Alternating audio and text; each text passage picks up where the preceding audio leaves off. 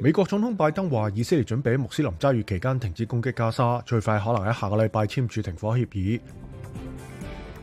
莫斯科法院判处公开反对乌克兰军事行动嘅资深人权活动人士奥洛夫入狱两年半，佢被指多次抹黑俄罗斯军队而被定罪。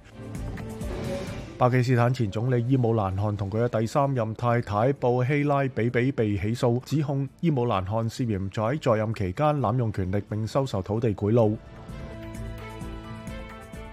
波兰农民喺华沙嘅一条主要街道上抗议，为期一个月嘅罢工已经升级，反对欧盟提出应对气候变化嘅政策。拉法一栋房屋被以色列空袭，好多家庭被困瓦砾下。巴基斯坦卫生部话，房屋内有八个人死亡。